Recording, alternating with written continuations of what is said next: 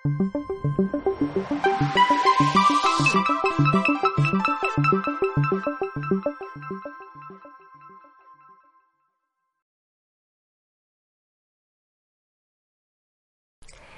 Moniko, prowadzę restaurację i wszystkich moich pracowników musiałam wysłać do domu. Co robić? Czy muszę zapłacić im wynagrodzenie?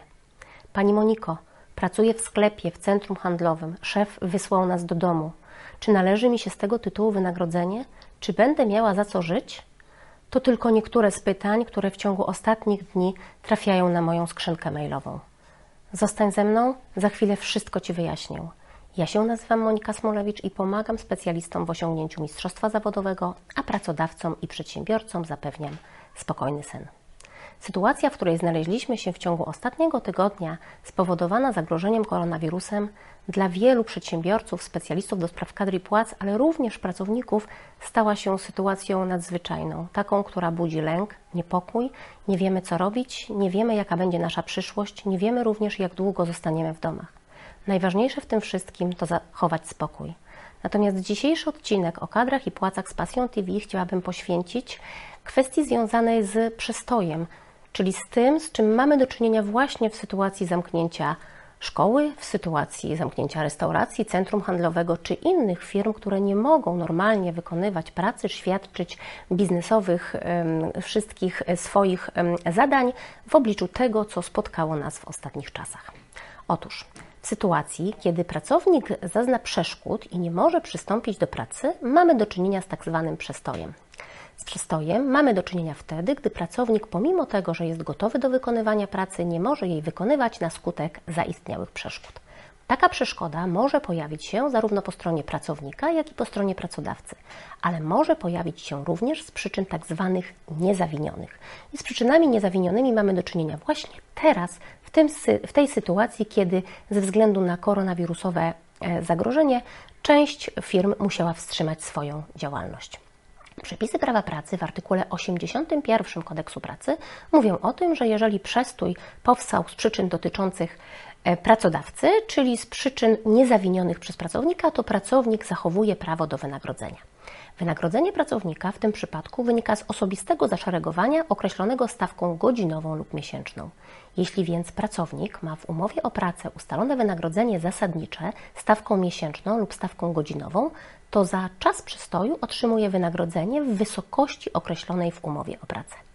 Kodeks pracy mówi również o tym, że jeżeli taki składnik wynagrodzenia nie został wyodrębniony, czyli na przykład pracownik jest wynagradzany wynagrodzeniem akordowym lub prowizyjnym, wówczas podstawę wypłaty wynagrodzenia mm, przestojowego stanowi 60% przeciętnego wynagrodzenia z okresu ostatnich trzech miesięcy.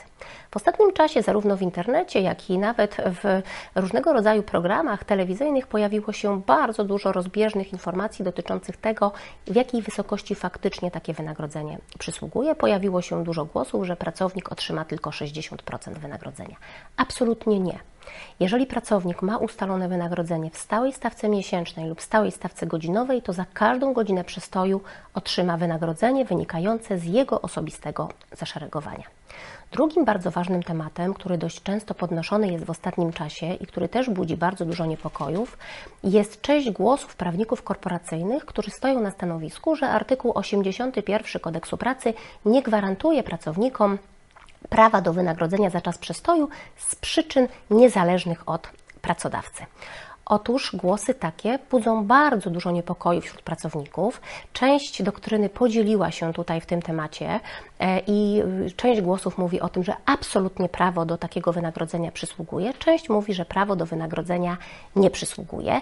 Ja chciałabym się tutaj w tym momencie też odnieść do, do tej sytuacji. Otóż e, pozwoliłam sobie na to, że przez weekend prześledziłam całe dostępne od 1978 roku orzecznictwo dotyczące artykułu 81 kodeksu pracy i osobiście uważam, że nie ma podstaw do tego, aby pracownika pozbawić wynagrodzenia za czas przystoju. Tu zwracam szczególną uwagę na jedno z orzeczeń, które pozwolę sobie w tym momencie przytoczyć. Otóż e, orzecz, wyrok Sądu Najwyższego z 11 kwietnia 2001 roku mówi o tym tak, że przepis artykułu 81 paragraf 1 kodeksu pracy nie stanowi, że przyczyny nieświadczenia pracy mają być zawinione przez pracodawcę albo mają polegać na jego bezprawnym zachowaniu się.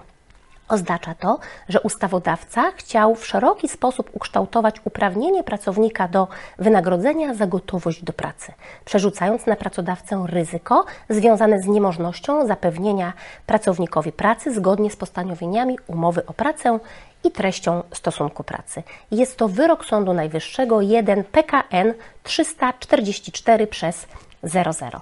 Zachęcam Was bardzo do tego, aby bardzo szczegółowo zapoznać się z tym orzeczeniem i zarówno pracownikom, jak i pracodawcom udzielać informacji, że wynagrodzenie za czas przestoju w związku z tą sytuacją, z którą aktualnie mamy do czynienia pracownikowi, jak najbardziej się należy. Oczywiście odrębną kwestią pozostanie to, jak długo pracodawcy zachowają płynność finansową, bo oczywistym jest również, że jeżeli firmy nie mają obrotów, to za chwilę, nawet jeśli jakiekolwiek oszczędności na rachunkach bankowych e, firmy posiadają, to te mm, oszczędności będą topniały z każdym dniem. Dlatego jest to bardzo ważne, aby tutaj w tym całym zamieszaniu bardzo rozsądnie i bardzo racjonalnie podejść do kwestii związanej właśnie z przestojem. Muszę się z Wami podzielić również taką swoją refleksją, że bardzo niepokoją mnie i smucą niektóre głosy od pracowników, bo też duża część wiadomości, które trafiają na moją skrzynkę, to są wiadomości w postaci Pani Moniko, przebywam aktualnie na urlopie wypoczynkowym. Szef zamknął firmę, należy mi się przestój, a szef nie zgadza się na to, abym zrezygnował z urlopu wypoczynkowego. Otóż tutaj też chciałam wyjaśnić, że Przestój jest to pozostawanie w gotowości do wykonywania pracy. To oznacza, że pracodawca w czasie przestoju może pracownikowi powierzyć czasowo wykonywanie innej pracy.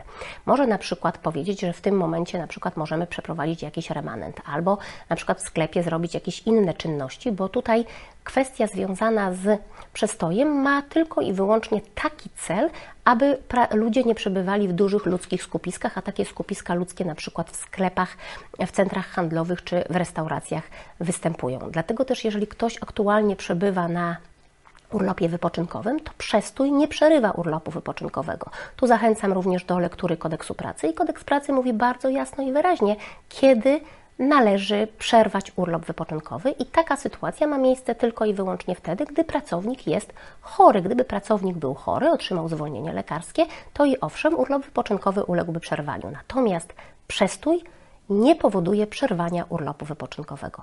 Apeluję tutaj zarówno do pracowników, jak i do pracodawców, żebyśmy w tym wszystkim zachowali dużo zdrowego rozsądku, abyśmy byli solidarni. Nasza akcja bezpiecznie, ale uczciwie zachęca was, zachęcam Was również do tego, abyście w ramach tej akcji zastanowili się nad tym, że dziś to jest sprawdzian. Dziś pracodawca, dziś pracownik mówią: Sprawdzam, rynek pracy w pracownika niestety, ale w Polsce właśnie się skończył. Po tym kryzysie już nic nie będzie takie jak przedtem, dlatego bardzo zachęcam Was również do tego, aby nie kombinować, nie cwaniakować, okazać dużą lojalność. Z jednej strony mówię do pracowników, ale mówię też do pracodawców. Pracodawcy, bądźcie uczciwi w stosunku do swoich pracowników.